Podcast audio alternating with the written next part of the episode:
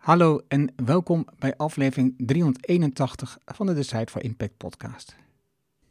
Waar je leert van ondernemers en ondernemende mensen die bijzondere resultaten bereiken, welke besluiten ze genomen hebben om hier te komen, wat ze doen, de strategie en hoe ze impact maken. Mijn naam is Enno Hanning en ik deel mijn opgedane kennis, ervaringen en expertise met jou. Ik coach ondernemers zodat ze besluiten nemen om hun impact te groeien. Vandaag het gesprek met Anne Pleun van IJsden.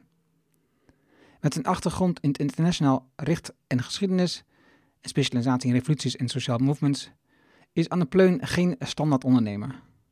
Toch startte zij in 2015 Paper on the Rocks om de papierindustrie te verduurzamen. Al van kinds af aan is ze fel gekant tegen het argument: zo doen wij dat nou eenmaal. Als ondernemer wil ze laten zien dat een onderneming juist kan en zou moeten bijdragen aan een gezonde en inclusieve wereld. Paper on the Rocks is om die reden al sinds de oprichting een gecertificeerde B Corporation. Het was een supermooi gesprek met verschillende inzichten over ondernemerschap, de ondernemer. Wie is het verhaal van het bedrijf? Wat is het verhaal? Super. Laten we beginnen. Welkom bij Design for Impact. De podcast waarin je leert van ondernemers en experts die een positieve, duurzame bijdrage leveren aan mens en omgeving. Met persoonlijke verhalen die je helpen om impactbesluiten te nemen voor jullie bedrijf. Dan nu, jouw business coach, Engel Halling. Vandaag ben ik in gesprek met Anne Pleun van IJsden en hierna gaan we Anne zeggen, maar dit is verwarrend. en ik heb je in de podcast gevraagd omdat je uh, een bedrijf hebt en ook activistisch bent in wat je wil realiseren met je bedrijf. En omdat ik zag wat er was gebeurd in je leven. Ik dacht, oh, dit, ik kan me voorstellen interessant En toen ging ik het voorbereiden, toen zag ik nog veel meer knooppunten waarvan ik denk, oh, dat is super gaaf om, daar, om te kijken wat daar precies gebeurd is en hoe het zo gekomen is. Wat mij betreft, trap even af met heel kort. Jij hebt het bedrijf opgericht om de papierindustrie te veranderen. Ja, dat klopt. Omdat je een product maakt wat wordt gemaakt van steen, uh, grijs van steen. Uh, waardoor het heel duurzaam is en eigenlijk naast dat je dat op die manier maakt ook geen water, of bijna geen water gebruikt in de productie. En je maakt gebruik van duurzame inkt, dus je bent heel erg bewust met je product bezig, want de papierindustrie is behoorlijk vervuilend, zoals je zelf zegt. Ja, dat klopt. Ja, ik ben eh, in 2015 begonnen met, met Paper on the Rocks. En dat was um, mijn idee dat als je de papierindustrie wilt veranderen en alternatieven wilt laten groeien, alternatieve papiersoorten, dan moet je eigenlijk een tastbaar product daarvan maken, zodat mensen ook kennis maken met het feit dat dit al mogelijk is. Het is niet een droom dat de papierindustrie kan veranderen, maar het heeft wel een aandacht nodig om te groeien. Dus ik begon met de notitieboeken van steenpapier en mijn doel was altijd om een diverse papierindustrie te creëren. Eén alternatief gaat niet de heilige graal zijn om een hele industrie te veranderen. Die industrie is te groot, überhaupt. En als je dat door verschillende alternatieven verandert, dan kan er meer gezonde ecosystemen ontstaan. We kunnen kijken naar op welke plek in de wereld is welke grondstof of afvalstof beschikbaar om papier van te maken. En op basis daarvan kunnen we ook een veel meer uh, lokale papierindustrie creëren dan eentje waarbij de stromen zoals je nu ziet voor de papierindustrie tien keer de halve wereld over moeten voordat het eindproduct bij ons thuis ligt. En wij zijn ons daar helemaal niet van bewust. Dus in het begin was het vooral bewustwording bij mensen van ja, wat is er nou eigenlijk aan de hand in de papierindustrie en zijn er dan alternatieven? Maar daarnaast is ook een heel stuk van uh, Paper on the Rocks gericht op uh, research and development van nieuwe papieralternatieven. We zijn de afgelopen drie jaar daar heel veel, veel meer dan in het begin mee bezig geweest. We hebben ook een hele roadmap van de papieralternatieven die er al bestaan, maar op heel kleine schaal of nog in de laboratoriumfase zitten. En nu zijn we eigenlijk zover dat door de groei van de organisatie, door de verkoop van bijvoorbeeld notitieboeken met logo's, kunnen we nu die alternatieven ook gaan schalen en zorgen dat je dus een heel diverse groep aan alternatieve papiersoorten krijgt, die de druk op onze bossen uh, af laten nemen, maar ook op water, ook op energie. Um, en dat is uh, ja, waar ik me echt voor inspan en heel erg in geloof. Dat dit de toekomst zal zijn van, van de papierindustrie. De papierindustrie en karton gaat niet verdwijnen. Dus er moet nu een alternatief voor worden gemaakt. Als ik kijk naar de papierindustrie, en ik weet er niet zo heel veel van, maar ehm, ik heb een gesprek gehad met iemand die is bezig met olifantengras. Uh, om daar te gebruiken in, de drukkerij. En, en ik ben met een aantal mensen bezig geweest en nog bezig met die boeken uitgeven. En nadenken over hoe kunnen we een zo um, milieuvriendelijk boek produceren. Um, er zit hier in de Achterhoek in Aalten zit een drukker die heel erg bewust daarmee bezig is. Met, uh, met, niet alleen met papier, maar vooral met het drukproces. Dat dat uh, ja, zo, zo milieuvriendelijk mogelijk is. En dat doet hij heel erg vanuit zijn innerlijke drijfveer, zeg maar. Dat hij oh ja, dit, is, dit is wat ik gewoon wil realiseren. En, en ook eigenlijk de verandering van die industrie realiseren. En ik herinner me de gesprekken die van de zomer waren, toen nou, toch wel wat verschijnselen waren rondom de, de, de het zoetwatertekort. En de Parenco, die uh, dus de water uit de rivier haalt, uh, terwijl ze het ook op andere manieren kunnen organiseren. Ja. En, en dus er worden dus mensen, het individuen, worden gevraagd om niet meer te sproeien in een tuin. Terwijl zo'n Parenco in onze eigen omgeving gewoon echt miljoenen liters water opslurpt. Precies. En, en er zitten zoveel vlakken aan. Want als ik uh, wel herinner van die gesprekken, bijvoorbeeld er komen veel bonen, bomen uit Zweden en Noorwegen, als ik het goed heb, voor de papierindustrie hier in Nederland. En er ja. worden natuurlijk ook veel boeken gedrukt in China en in het Oostblok. Eh, net ook allemaal ver weg. Dus er zitten zoveel en wat je al zegt, als we het regionaal doen, er zoveel kansen in om het beter te doen eigenlijk. Ja, precies. En ik denk dat het ook wel belangrijk is om daarin samenwerkingen op te zoeken. Want wat ik ook heb gezien, en historisch zeg maar, want ik, ik heb eigenlijk ook geschiedenis gestudeerd, dus dat historische aspect was waar ik begon met mijn interesse in de papierindustrie. Uh, zie je eigenlijk dat het altijd heel erg eilandjes zijn geweest, de alternatieve papiersoorten. En dat was altijd een beetje een soort van uh, een vreemde eend in de bijt en het, er werd niet samengewerkt. Ook niet onder uh, alternatieve onderling, maar ook vanuit de papierindustrie niet.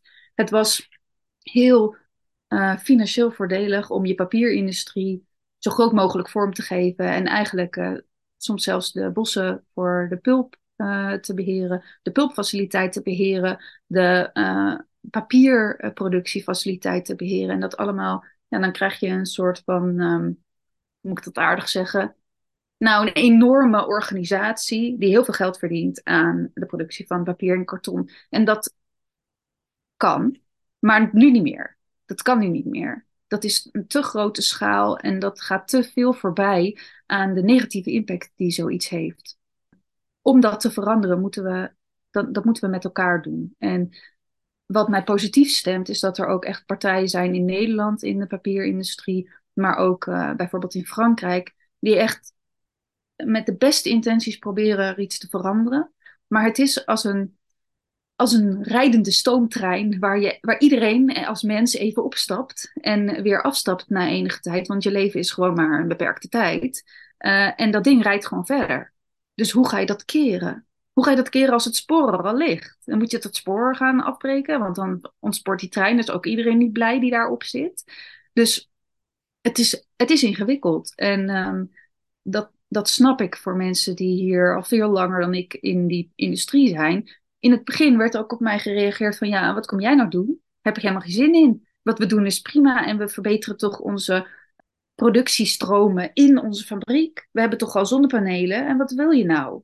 En dat snap ik, die reactie. Maar dat betekent niet dat ik dan denk van oké, nu ga ik dan maar weer weg. Want jullie hebben het zo goed onder controle. Ik ben altijd heel erg gedreven door het argument. Ja, we hebben het altijd zo gedaan, dus we blijven het doen. Dat is echt mijn motivatie waarop ik aanhaak en denk van, oh, nou wacht, daar zit iets fout. Want als je zo in je leven gaat staan, dan gaat het ook niet goed. Als je denkt van, ja, zo heeft iedereen altijd geleefd, dus zo ga ik maar leven, want dat is de bedoeling. Het is juist ook leuk en waardevol om te kijken, oh, zou er nog ook iets anders kunnen? Bestaat er ook nog iets anders? Net zoals met geschiedenisstudie, dan leer je eigenlijk ook eh, op de middelbare school hè, heel erg eurocentrische kijk van dit is geschiedenis. Maar dat is helemaal niet geschiedenis. Als je naar de wereldgeschiedenis gaat kijken, dan is het ineens van wacht. De Tweede Wereldoorlog, ik dacht dat dat gewoon vooral hier was. En dan blijkt dat heel veel andere mensen in de wereld heel andere ervaringen hebben met een Tweede Wereldoorlog. Wat allemaal, het is allemaal verschrikkelijk natuurlijk, maar ik bedoel vooral je blik breder maken dan, dan wat je gewend bent, kan heel fijn en verhelderend zijn als mens ook. Dus dat, dat hoop ik. Dat dat binnen de industrie ook het kwartje valt. En we samen kunnen optrekken voor die verandering. Want hoe groot is die industrie? In omzet, in euro's? In, nou, uh, enorm. Met name als je kijkt naar uh, karton bijvoorbeeld. Uh, dat is een enorme groeimarkt ook. daar gaan echt miljarden in, in om. En als je kijkt naar een grafische papiertak, ja, die is wel wat gekrompen. Natuurlijk door ook digitalisering. Maar die zal ook niet helemaal gaan verdwijnen. Bijvoorbeeld als je kijkt naar mensen die moeten leren schrijven. überhaupt mensen die hun dingen, hun aantekeningen willen bewaren hoef je niet alles in de cloud te stoppen. En is het soms ook voordeliger voor de wereld om dat op papier te schrijven in plaats van uh, in een cloud te hangen. Maar goed, ik verwacht dat uh, vooral de kartonmarkt blijft groeien. Heel erg. En, en daar moet je wat mee. Ja. Het, het blijft een interessante markt. En het blijft problematisch dat er steeds meer druk komt, ook op onze houtproductie. En dat eigenlijk laatst las ik een stuk van een, nou, iemand die heel erg veel kennis heeft over bosbouw in Nederland. En dat was een heel interessant artikel. Duidelijk iemand met heel veel kennis, maar ook heel duidelijk vanuit een Nederlands perspectief geschreven. Van ja, wij hebben hier niet meer ruimte om, uh, om bossen te kappen. Het wordt hartstikke goed beheerd en daar zijn we heel tevreden mee. Uh, op zich terecht dat hier zo'n goede controle op is. Dus als wij meer bomen nodig hebben voor onze papierindustrie of voor onze uh, pulpindustrie of houtbouw bijvoorbeeld, dan halen we dat gewoon uit andere landen. En daar zit denk ik een foute, foute denktrand. Want dat wij het ergens anders vandaan halen. En dat wij als heel echt minuscuul op wereldschaal Nederland denken van als wij iets nodig hebben, halen we het ergens anders vandaan. Verplaats je een probleem. En, en hoe zit het eigenlijk met die mensen die daar wonen? Hebben die niet zelf iets nodig? En moeten die niet zelf juist meer bosbeheer gaan doen en uh, daar op een uh, ecologische, uh, verantwoorde manier naar gaan kijken? Gewoon een soort systemisch, wat is een bos en wat heeft dat nodig? als iedereen daar op die manier naar gaat kijken, ja, dan, dan ben je snel klaar met het uit het buitenland halen. Tenzij je denkt, het is voldoende als het hier op orde is. Dat vind ik heel moeilijk. Dat, dat vind ik hele moeilijke dingen, omdat het zo abstract soms wordt. dat ik snap dat mensen er ook moe van worden. Van ja, maar we, ik ben hier, ik ben Nederlands, ik ben hiermee bezig. En dat is niet hoe ik dit bedrijf, hoe ik mijn bedrijf ben gestart. Is echt meer de wereldschaal van de papierindustrie. Hoe ziet die er nu uit? niet goed. Echt niet goed. Dat moet anders. En dat hier in Nederland goede initiatieven zijn, dat, dat juich ik toe. Dat er concurrenten zijn, uh, misschien zo zou ik het niet willen noemen, maar dat juich ik ook toe. Er moet zoveel gebeuren. Er is echt plek voor iedereen om verbetering te brengen. Dit punt wat je zegt, hè, dus dat we dan de grondstoffen maar ergens anders vandaan moeten halen, omdat het dan te klein is. Het is natuurlijk dezelfde reden waarom boeren vasthouden aan de grootte van hun bedrijf. Want als we dat niet doen, dan wordt het anders, ergens anders wordt het wel meer en dan wordt daar de vervuiling alleen maar erger. De, de perceptie die we hebben, wat je als schetst, die is heel beperkt vaak, omdat we, nou ja, dat we niet van verschillende kanten naar dezelfde situatie kijken. Dus we, dus we hebben een bepaalde visie, die is meestal toch ergens verkokend. En, en dan kijken we naar een situatie en denken dat er geen andere waarheid is. Maar er zijn veel meer waarheden op de, op de wereld op dit onderwerp. Zou het wat jou betreft zo moeten zijn dat alle grondstoffen dan voor papier en karton wat we gebruiken uit Nederland moeten komen? Nee, zeker niet. Nee, helemaal niet. Nee, ik denk dat je eigenlijk um, voor, ieder, voor ieder land op een lokaal niveau moet gaan kijken. Kunnen wij hier papierproductie laten plaatsvinden op basis van afvalstromen? Want er zijn echt ook gigantisch veel afvalstromen die zich prima lenen voor pulpproductie en dus papierproductie. Uh, maar daar wordt, ja, wordt gewoon nauwelijks aandacht aan besteed. We zijn te veel nu ingericht op. Aan de ene kant, we produceren met uh, uh, frisse, soort van nieuwe input, virgin materialen. En dan daarna, ja, end of life is end of life. En dat is eigenlijk in die circulaire economie hartstikke waardevol. Dat je niet dat je niet de grondstoffen gaat afschrijven als jij een product hebt gemaakt en in de markt hebt geduwd. Maar juist van, wat kun je met die afvalstromen eigenlijk doen? En als je dat op een lokaal niveau, als je zo je papierindustrie zou gaan inrichten, dat, dat is een, daar is een hele grote verandering voor nodig. Want heel veel papierproducenten zijn juist gericht op hoe kan ik zoveel mogelijk verkopen. Uh, en naar, maakt niet uit waar het heen moet. En daar moet je eigenlijk vanaf. Dus het is ook wel een klein beetje in die discussies over uh, degrowth. Dat is heel relevant, denk ik. Je, je hoeft niet altijd te streven naar een enorme groei uh, en een eindeloze groei. Eindeloze groei kan niet. En dat is waarom ik ook heel erg stuur op. We moeten diversiteit in papierproducten hebben. En niet één uh, soort of uh, papier of ja, bijvoorbeeld steenpapier. Daar geloof ik heel erg in. Maar ik geloof er niet in dat steenpapier in zijn eentje die hele industrie gaat overnemen en dat het dan nog een gezonde situatie blijft. Want niet voor ieder land of continent of plek in de wereld is het relevant om uh, zonder water te produceren. Terwijl in bijvoorbeeld het Midden-Oosten kan het wel heel relevant zijn. En in Zuid-Afrika bijvoorbeeld is dat ook heel relevant. Daar, daar wil je niet je water gaan gebruiken voor papierproductie. Dat is echt de omgekeerde wereld. Het is een beetje hetzelfde als in Madagaskar, waar ze nu enorme droogte hebben, mede omdat daar water wordt onttrokken om, om drink, uh, drinken in flesjes te stoppen en dat naar ergens anders in de wereld te gaan brengen. Dat, dat kan niet meer zo werken. Dus ik geloof wel heel erg in dat lokale uh, aspect van al je producties. Ook als je kijkt naar de boeren. Boerenbedrijven zijn nu toch heel vaak ook gericht op uh, productie voor de wereld. Maar als we het terug zouden brengen naar een schaal waar productie hier plaats voor vindt, ja, dat, dat is logisch. Je wil dat ook lokaal. We willen dat allemaal ook lokaal, lijkt me. Ja, dus het zit ook in de schaal. Het zit in de schaal van de industrie zit, wat mij betreft, een probleem. Oké, interessant discussiepunt dit. Ik heb in de voorbereiding dingen van je gelezen en een moment, uh, ik dacht dat het de ondernemer was, werd je een scale-up genoemd. Ja, dat klopt. En, en ik ken de wereld van de scale-up een beetje.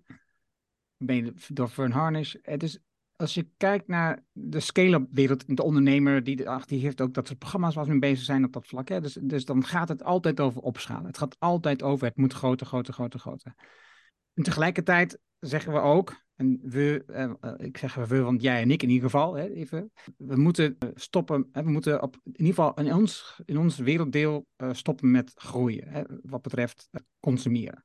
En dus ook de productie van dit soort papier door deze grote bedrijven, dat moet gewoon verminderd worden. En dus dat is voor mij altijd een lastige, uh, in, mijn, in mijn eigen innerlijke wereld, zeg maar. Dus dat je de ene kant wil je dat je, dat, dat je stopt met groeien. Aan de andere kant wil je zelf groeien, omdat je die markt wilt vervangen. Ja. Pieter van Os heeft het over uh, scale-up impact. Dus je wilt het opschalen van impactbedrijven. Maar uiteindelijk praat je nog steeds over opschalen. Uiteindelijk praat je nog steeds over het nadenken over hoe kan ik groeien. Hoe zie jij dat? Ja, ik vind dat ook een moeilijk uh, punt hoor. Want ja, we moeten ook minder. We moeten ook minder gewoon in het algemeen. En tegelijkertijd, als je net start met een organisatie, is het zo klein, dan, ga je, ja, dan ben je nog niks eigenlijk. Dan ben je niet eens een druppel in, in, op de gloeiende plaat van die industrie. Dus daar, daar zul je op een bepaalde manier toch, om impact te kunnen maken, tot een bepaalde hoogte groeien als bedrijf. Um, de vraag is, waarom hebben we eigenlijk bedrijven? Als je het heel erg plat slaat van waarom willen we in onze samenleving bedrijven? Dan vind ik dan ook heel interessant, waar, waar gaat dat geld allemaal heen eigenlijk? Waar wordt dat aan besteed? Is dat voor het vergaren van rijkdom voor een paar mensen? Dat denk ik niet. Dat is ook niet waarom ik dit uh, bedrijf heb opgericht. En dat is ook gelukkig niet de motivatie van de financiers die bijvoorbeeld betrokken zijn bij ons bedrijf die zijn betrokken omdat ze geloven dat de impact uh, en de, de, doelen voor een gezonde industrie, dat die zo zwaar wegen, dat we daar met elkaar aan gaan werken en dat daar, snapt iedereen, een, een commerciële basis nu aan ten grondslag moet liggen. Omdat anders die verandering, als je verwacht dat het vanuit een overheid met regelgeving of zo komt, dat gaat iets trager dan dat wij nu kunnen zeggen van nee, kijk, we hebben een supergoed voorbeeld van hoe het wel kan. Dit gaan we implementeren. En als je zou gaan wachten op anderen, ja, dan kan ik me voorstellen dat het iets langer. Ik, ik ben de laatste tijd wel gaan twijfelen aan, aan die aanname. Ik had die, naam, ik had die namelijk ook, hè, voor duidelijkheid. Ik, heb niet zoveel, uh, ik had niet zoveel contact met de overheid. En ik ben me meer gaan realiseren dat de overheid hier wel degelijk een rol in speelt. En dat, dat we het ook kunnen versnellen. Met name op regionaal niveau. Het is ja. in mijn vorige aflevering die, een gesprek gehad met Paul Schendeling. En hij vertelde over, hij ziet een bepaalde wetgeving voor zich. Hij is econoom. Economen hebben natuurlijk toch vaak een andere kijk op de wereld. Die hebben eigenlijk echt veroorzaakt waar we nu zijn, duidelijkheid.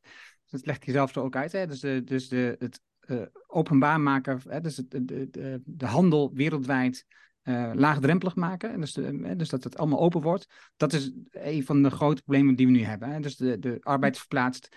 Uh, mensen, mensen zich geen waarde meer in het werk wat ze doen. Want het, het, meeste werk van de gewone arbeider die echt waarde toevoegt, is verplaatst naar nou ja, allerlei plekken over de wereld. En we hebben helemaal geen zicht meer op alle dingen die zij vervuilen en uh, onttrekken en mensen uitbuiten. Dat, dat zien we niet meer. Het is helemaal uit het oog verloren. Dus het is heel ingewikkeld om in te grijpen. Terwijl hij stelt voor in zijn boek uh, Er is leven naar de groei, dat we door de belasting um, te veranderen op, dus meer belasting op consumptie en de belasting op arbeid te verlagen.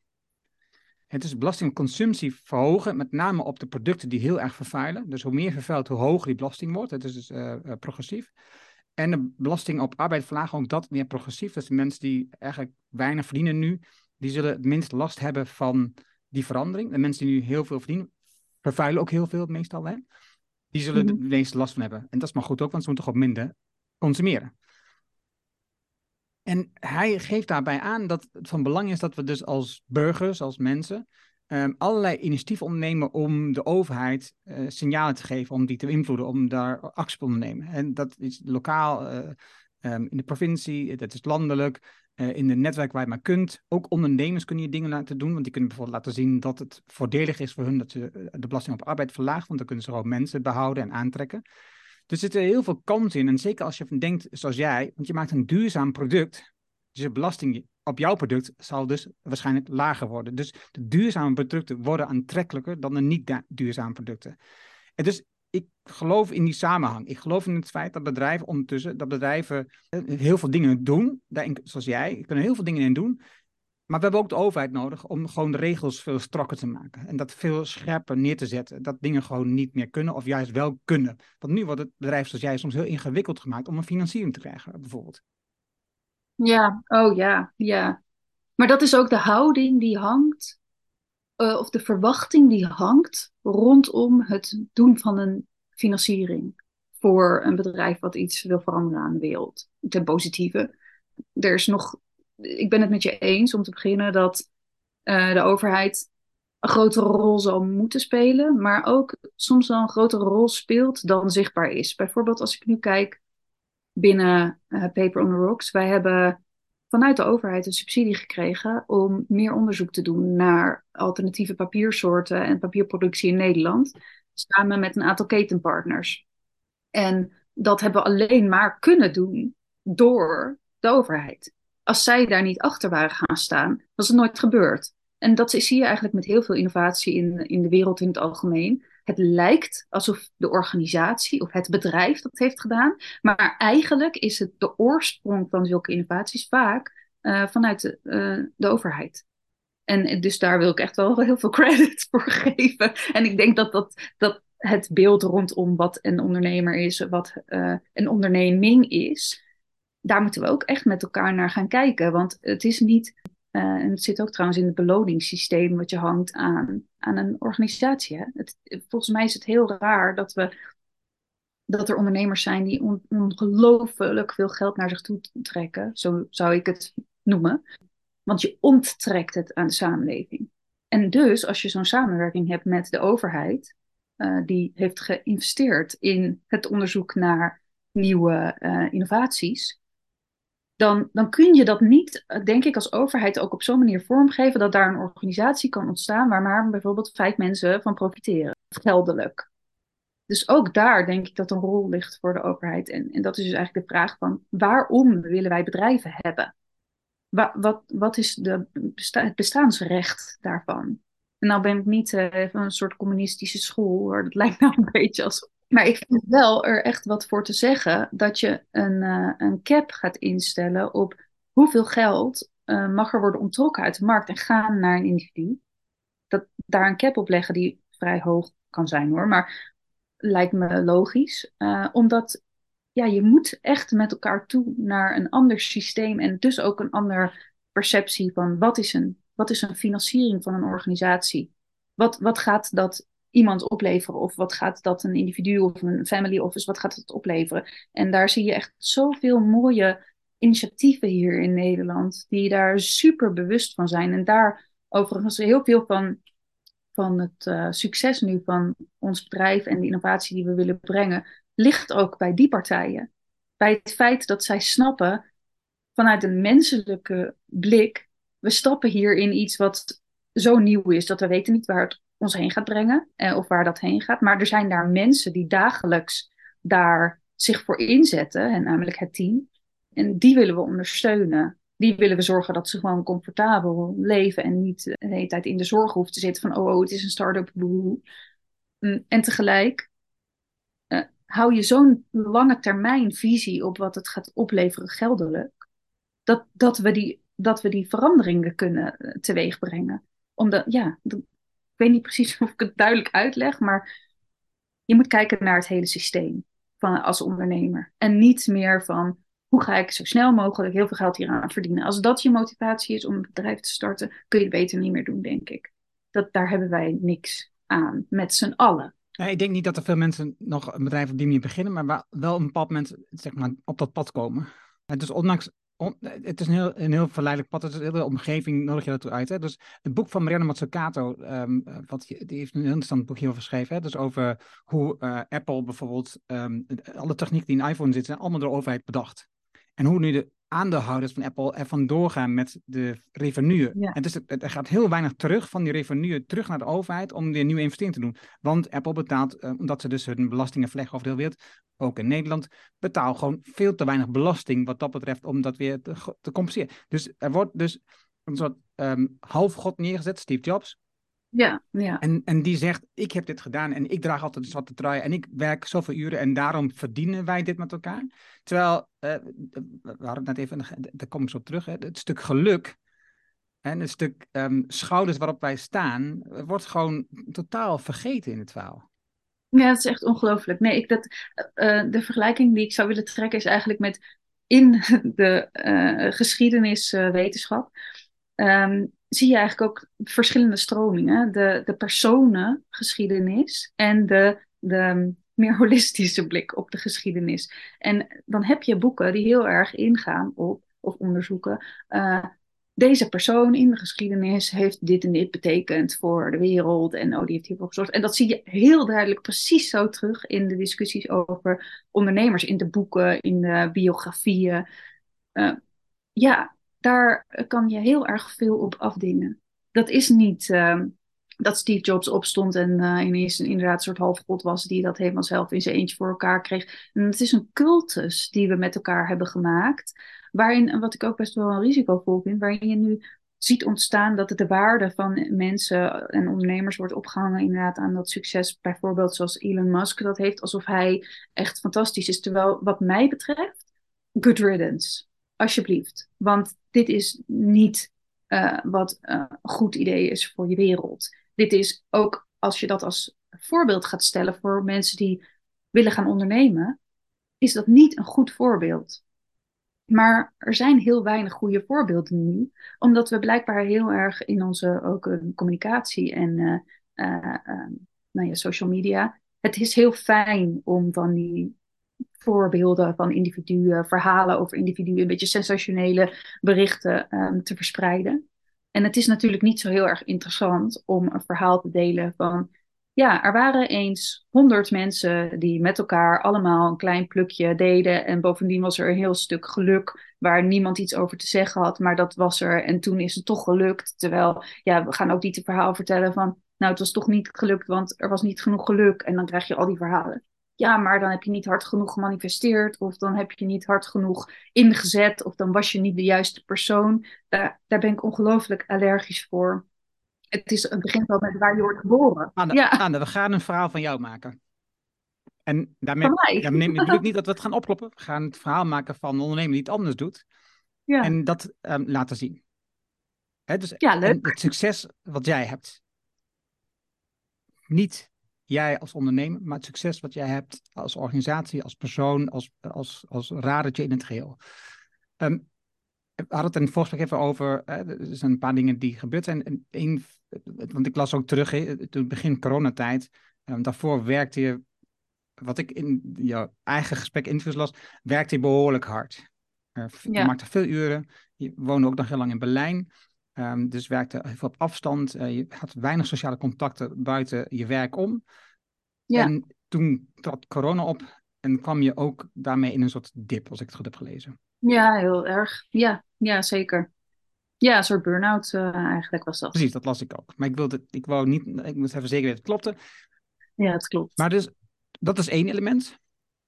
En dan um, begin het jaar uh, 2022, dus begin vorig jaar, sorry, gebeurt er een volgende element in jouw leven. Wat gebeurde er toen? Ja, ik uh, uh, heb als complicatie van, um, van bevalling een uh, herseninfarct gekregen, plat gezegd. Een herseninfarct en een hersenbloeding, waardoor ik um, ja, eigenlijk bijna er niet meer was. En zeker niet meer kon werken. Ik kon niet meer spreken. Ik kon geen kaas meer maken van de wereld om me heen. Uh, een deel van mijn hersenen schakelde uit door die infarctsituatie. En um, dat had kunnen betekenen, als je dat zakelijk vertaalt, dat het bedrijf uh, stopte. Maar het bedrijf stopte niet, want het bedrijf was nooit ik. Het was nooit mij, hoe noem je dat? dus het ging door. En het gaf mij een hele andere kijk op de wereld. En op wat, wat de verhouding is tussen jou als persoon en uh, wat jij eventueel zakelijk doet, of wat jij überhaupt betekent op een grotere schaal in de wereld. Uh, de, de frictie die er kan bestaan tussen dat jij ook maar een individu bent met een beperkte tijd in dit leven en wat je voor grote veranderingen eventueel in de wereld zakelijk gezien zou willen brengen. Dus het was een hele leerzame periode, ook een pijnlijke periode. Dat vind ik ook niet dat je dat uh, hoeft uit te vlakken. Maar het was ook heel mooi om te zien dat mijn intentie met de organisatie was niet om mij daar op een soort troon te hijsen. En, en ik hoopte altijd dat dat lukte. En dit heeft eigenlijk laten zien dat het dus kan. Het kan dat je een organisatie hebt waar jij naast staat en toevallig even in die stoel bent gaan zitten van bestuurder. Maar je kan ook uit die stoel stappen en er kan ook iemand anders in gaan zitten. En dan gaat het net zo goed of misschien eigenlijk wel beter.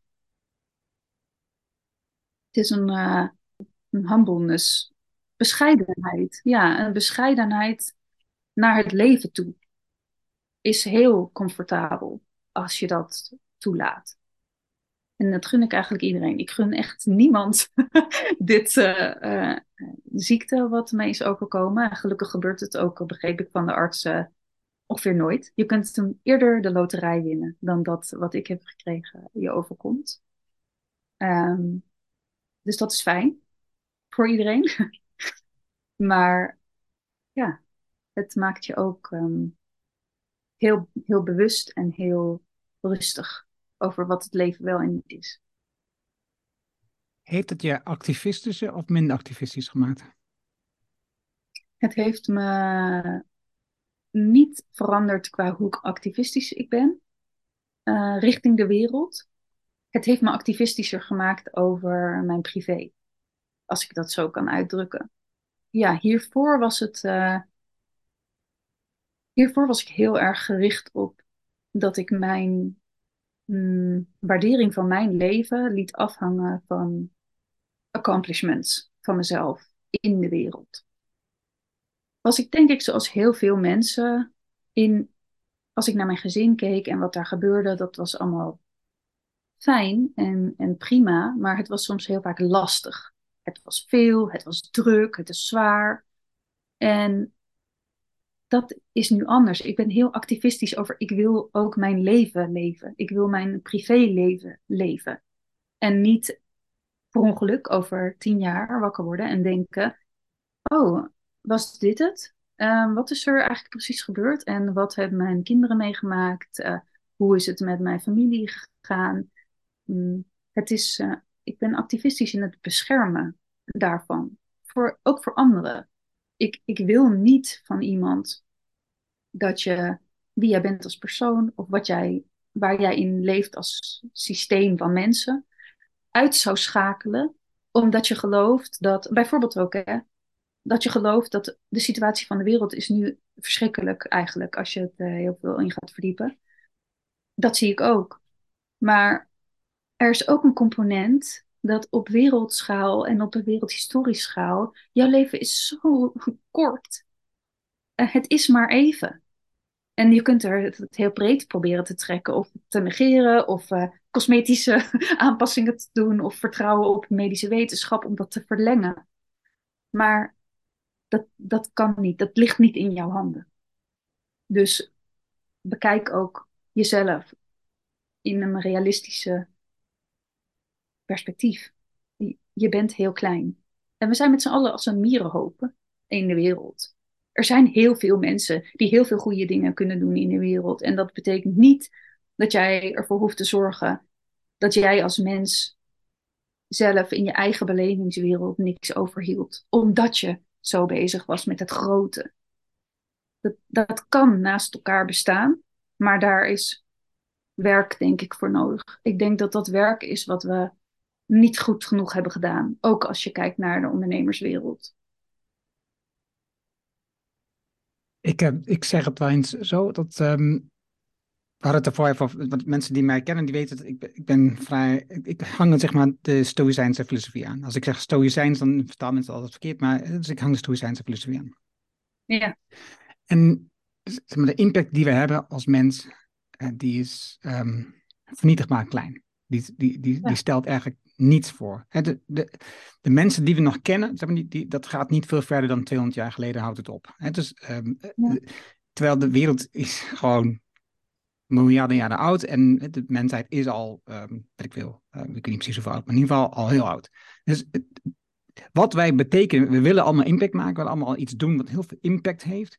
Maar eigenlijk, als je er gewoon op een veel grotere termijn en scha schaal naar kijkt, ook al wil je die impact maken, dan nog stelt dat heel weinig voor in the grand scheme of things, als ik het uh, in het Nederlands ja, zeg. Ja. En dus um, dat is ook naar kijken. En het, en het stoïcijnse, uh, waar ik nu heel erg mee bezig ben, um, dat deel ik even graag met je, in, inner development goals. Het is inner development zijn gebaseerd op de um, SDG's, dat als een soort fundamenten om ligt. We willen aan de slag met de SDG's, want het is vrij groot en uitgebreid en ingewikkeld.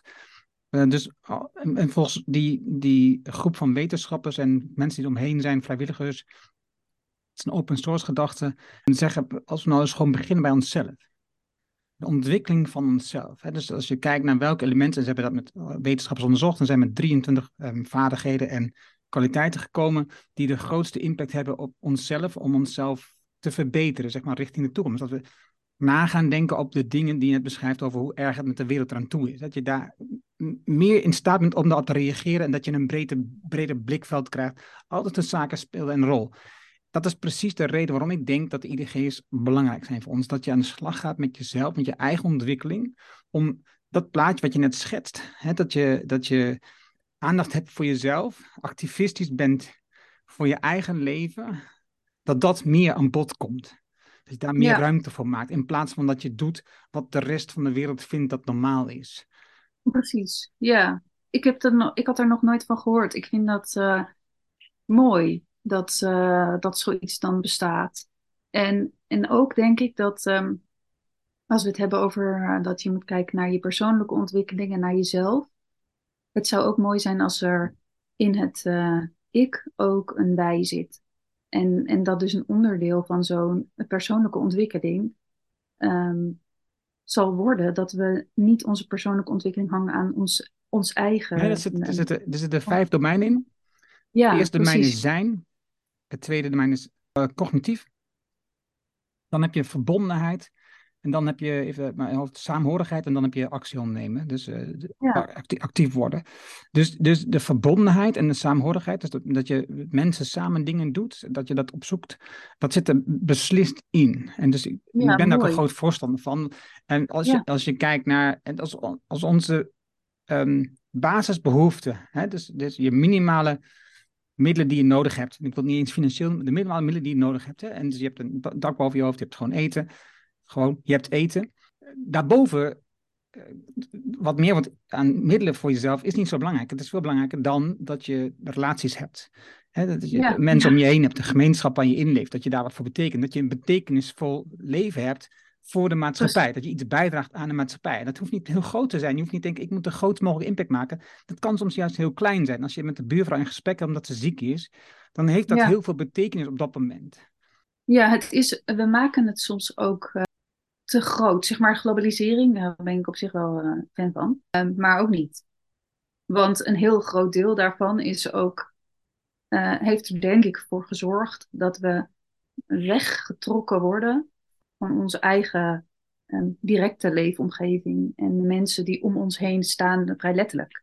En dat heb ik zelf wel zo ervaren, in ieder geval voordat ik op een punt kwam in mijn leven waarin ik zelf niks meer kon. En dat was dat toen ik in het ziekenhuis lag en je wereld wordt heel klein. En bij mij was mijn eh, linker hersenhelft eh, kapot gegaan. En dat zorgt ervoor dat eigenlijk iemand beschreef dat als je toekomst en je verleden eh, verdwijnt dan. Want dat is daar opgeslagen. En het enige wat overblijft is nu. Nu, nu, nu. En elke keer dat nu voorbij is, is het nu voorbij en is er weer een nieuwe nu. En, en dat geeft een heel rustig, maar ook andere beleving van de wereld en de mensen om jou heen. En dus iedereen die in mijn ziekenhuiskamer inkwam, zei ik alleen maar dankjewel. Ik kon nog niet zoveel andere woorden eigenlijk zeggen meer. Maar wel, dankjewel. Dankjewel voor, voor alle, ook, wil je iets drinken? Dankjewel. Eh ja, eh, zal ik het raam open doen? Dankjewel. En, en ook het, ehm, de, hoe knap het is dat er mensen zijn die dus ieder dag opstaan en naar een ziekenhuis toe gaan en mensen helpen die zelf niks meer kunnen. En dat op zo'n manier kunnen door een hand uit te reiken en eh, door even eh, mee te huilen. Door zulke kleine gebaren waar wij echt in ons dagelijks leven gewoon naar voorbij gaan. Alsof dat eh, een gegeven is, dat dat er is. Maar dat is het niet. Dat is niet een gegeven. Dat is iets waar zeker ondernemers, als ik zo vrij mag zijn, echt meer aandacht aan mogen besteden. Ook trouwens richting teams en mensen met wie je samenwerkt. Daar zit dat element ook. Maar goed, ik word nu heel. Ja, ik vind het soms te moeilijk om zo uh, dat te delen. Want ik wil ook niet prediken alsof ik nu weet hoe de wereld werkt. Het is, dit is puur mijn eigen ervaring van zo'n situatie waarin alles weg is. Alles wat je dacht dat er was, is er niet meer. En wat blijft er dan over? En, die realisatie is, is wel, hebben we te weinig. Oké, twee, één opmerking en één vraag hierover. Want ja, je praat vanuit je eigen ervaring, maar je weet ook dat het meer een waarheid is dan alleen die van jou. Want je weet dat dit veel meer overkomt, maar je weet vanuit de Stoïcijnse weet je ook dat deze gedachtegang, dat we vooral in het nu leven en heel weinig beheersen, eigenlijk alleen maar beheersen hoe we op dingen reageren. De rest hebben we helemaal geen invloed op. Dus dat je dat krijgt, daar heb je geen invloed op. Waar je wel invloed op is hoe je erop reageert. Daar heb je invloed op. Jij niet alleen, maar ook bijvoorbeeld je ouders of je, of je partner of je kinderen. Die hebben, ja, je kinderen was klein nog, maar die hebben er invloed op hoe ze op het, het, het gebeuren reageren. Dat is eigenlijk het enige van controle. Dus we weten dat er voldoende informatie is uit het verleden, dat wat je nu vertelt, dat daar wel een behoorlijke kern van waarheid in zit. Ben ik van overtuigd. Ja, gelukkig. Het tweede ding is, hoe zouden nu, want je had het net over die ondernemers, hoe zouden nu mensen meer bewust kunnen maken van deze optie zonder zo'n overweldigende levenservaring? Ja, dat vind ik een goede, goede vraag. En dat heb ik mij, die heb ik mij ook gesteld. Want je hoeft niet zo'n levenservaring te hebben om toch uh, te kunnen veranderen. Maar het is lastig, omdat ik denk dat de structuren die wij nu hebben staan en onze verwachtingen van ondernemerschap zijn gebaseerd op de oude verhalen. Oude verhalen die recent zijn hoor, maar waar we de waarde af moeten gaan halen. Uh, de waarde op het uh, persoonlijke succes, het, uh, de eindeloze groei, veel geld verdienen. je ziet nu zelfs, wat me een beetje verbaast, ook dat hele grote groepen jongeren heel erg beïnvloed worden door een aantal mensen die ontzettend naar buiten treden met hoe snel ze rijk zijn geworden. Alsof dat de waarde is van het leven. Dus ik denk dat we als ondernemers veel meer behoefte hebben aan eerlijke verhalen en bredere verhalen. Uh, ja, verhalen zijn echt eh, niet te onderschatten van waarde. Um, wat nou als het verhalen zouden zijn over niet één ondernemer en diens ervaring, maar uh, de waarde die een organisatie toevoegt aan de samenleving, als we daar meer over zouden hebben. En, en mm, het lostrekken van één persoon die dat alleen heeft gedaan, zou ook ervoor kunnen zorgen dat de druk op ondernemers om dat naar buiten uit te dragen, of die druk te voelen om daarin mee te gaan, dat dat ook wat meer wegvalt. Dat, dat je best een ondernemer kan zijn zonder dat jij uh, de verpersonificatie van een organisatie moet worden. En dat jij overal moet zijn. En dat wij bijvoorbeeld CEO-dinners hebben. Uh, of ik, ik vind dat leuk hoor. Ik heb heel veel daaraan gehad en heel enthousiast ben ik er over mensen ontmoeten. Um, maar waarom willen leaders, waarom wil iedereen leaders zijn? Niet iedereen hoeft leader te zijn. Uh, en misschien is iedereen een leader of niemand is een leader. Dat kan ook. En, en je hoeft dat niet, snap je, zeg maar, als iedereen een leader is, dan is niemand een leader. Als je het plat, plat ja, nee, ik, snap wat je, ik snap wat je zegt en ik zit te denken of ik dat ook zo zie. Het is belangrijker om te gaan praten over. Uh, hoe moet je dat nou uitleggen? Het is zo moeilijk, vind ik. Ik moet heel goed uitknippen. Ik zit bij mezelf te denken dat een tegenstrijdigheid in mezelf zit. Het, het, het, feit dat je leiders hebt, dat zie ik. Leiderschap zie ik als, een, als iets wat interessant is en belangrijk is. En tegelijkertijd uh, ben ik bezig met IDG's, waarbij je eigenlijk iedereen wilt ontwikkelen. Ja. En dus eigenlijk iedereen, niet bewust, maar dat zou je zo kunnen zien, dat leider wilt ontwikkelen. Dan heb je geen leiders meer. Dus ik zie nu bij mezelf te denken, oh ja, hier is een soort botsing in mezelf nu op dit moment. Ja. Daar moest ik over jouw verhaal even over nadenken. Ik, ik, ik zit te denken van, eh, we hebben een gesprek gehad over en publishing onder met Sebastian Klein. En wat zij, en in die tijd was ik daar echt veel mee bezig. Wat zij hebben gedaan is dus het bedrijf eigenaar maken van zichzelf. Hè? Dus dat eigenlijk iedereen in het bedrijf eigenaar is van het bedrijf. En steward ownership, dat wordt zo ik. En dus dat, dat, iedereen eigenaar is van het bedrijf, maar eigenlijk het bedrijf eigenaar is van zichzelf. En dus gewoon niet verkocht kan worden aan de hoogste bieder. Ja, ik geloof daar heel erg in. En iedereen dat denk ik ook het feit dat je dus daarmee iedereen leider maakt. In, om die discussie aan het net te Dus dat iedereen is, is leider van dat bedrijf op dat moment. Niemand iemand, iemand specifiek. Je kan wel zeggen, ik heb iemand die dan de titel CEO heeft, omdat dat de buitenwereld makkelijk vindt om een aanspreekpartner te hebben. Maar voor de rest heeft hij geen andere waarde dan andere mensen in het bedrijf. Ja. Ik geloof daar ook heel erg in. Ik denk dat dat de weg is, eh, dat dat, niet de weg, dat dat een belangrijk onderdeel van de weg is naar de toekomst om veel meer, want dan krijg je ook niet is ook grote verschillen in waarde van mensen die ze willen zien, want ze willen, willen verdienen. Want je, je, gaat het geld toch verdelen met elkaar. Dus het, het, gaat niet op de waarde van één persoon die stijgt omdat het bedrijf in waarde stijgt, bijvoorbeeld. Ja. Misschien zou je dus verhalen moeten gaan formuleren, succesverhalen, uh, gebaseerd op de organisatie. Want als de organisatie van zichzelf is, is dat het verhaal wat je wilt vertellen. Dat is een mooie. En, en niet meer het verhaal van uh, op een dag werd ik wakker en dacht ik dit is een goed idee voor een bedrijf, dus begon ik het la la la la la. Maar eh, de wereld heeft, ja, ik weet niet, de wereld heeft aangegeven we hebben genoeg van die en die grondstof gebruikt, het moet anders. Dus er is een, een, een vehikel gekomen om dat te gaan veranderen. En voor dat vehikel gebeurde dit in het leven van dat vehikel en dat in het leven. Overigens, het zou mooi zijn als het leven van een van zo'n organisatie langer is dan het leven van, uh, van degene die het hebben die Eigenlijk wat je bij Patagonia vind ik dat, dat wel uh, een goed voorbeeld. Ook de storytelling, daar van hun is veel meer gericht. Ja, het heeft heel veel op Yvonne ook. Over Yvonne is het gegaan, maar hij had het daar ook zelf wel weg. Um, en, en de founders hebben dat ook heel actief, denk ik, gedaan. Het, het heeft een higher purpose dan, dan hun uit te lichten. Dus eigenlijk, Anne, moet ik niet jou interviewen, maar moet ik. Het bedrijf. en toevallig woord jij nu het bedrijf, het is gewoon puur toeval. Dat is denk ik een beetje hetzelfde als dat je de aarde een rivier of een bos rechten geeft. Een beetje dat niveau, weet je wel? Dat je, een, dat je een advocaat hebt die dus de recht op dat moment vertegenwoordigt van de aarde, omdat hij anders niet kan spreken. Dat, is een beetje dat zou je zo hetzelfde kunnen zien. Hè? Dus het bedrijf spreekt, maar het kan zelf niet spreken. Dus dan doe jij dat in dit geval uit naam van het bedrijf. Omdat je, nou, zo is het nou Iemand moet, moet, moet een stem hebben en toevallig heb jij een stem. Ja. Anne, er roepen nu andere dingen bij jou door wat er dit jaar, eerder vorig jaar gebeurd is, heb je een, uh, een grens aan wat je aan kunt. Je hebt niet net die grens aan mij aangegeven.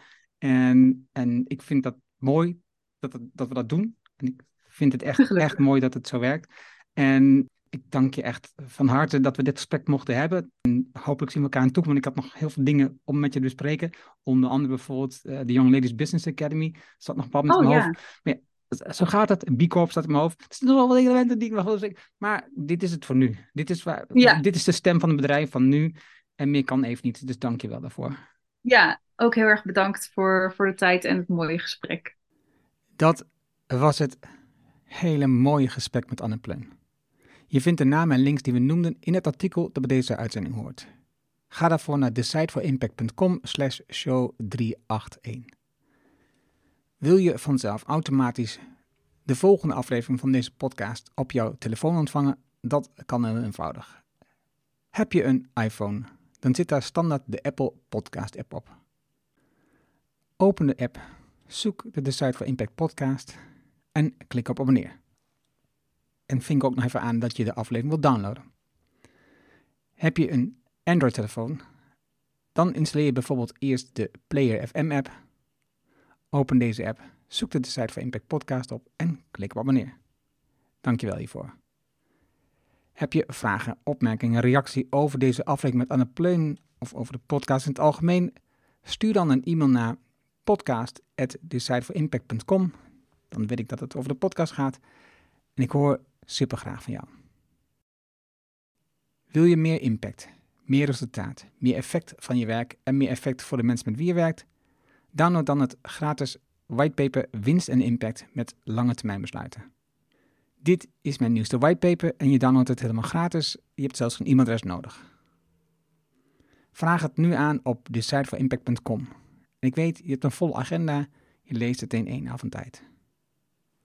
Dankjewel voor het luisteren en graag tot de volgende. Dankjewel voor het luisteren naar deze aflevering van de Decide for Impact podcast. Ga voor jouw volgende stap naar decideforimpact.com.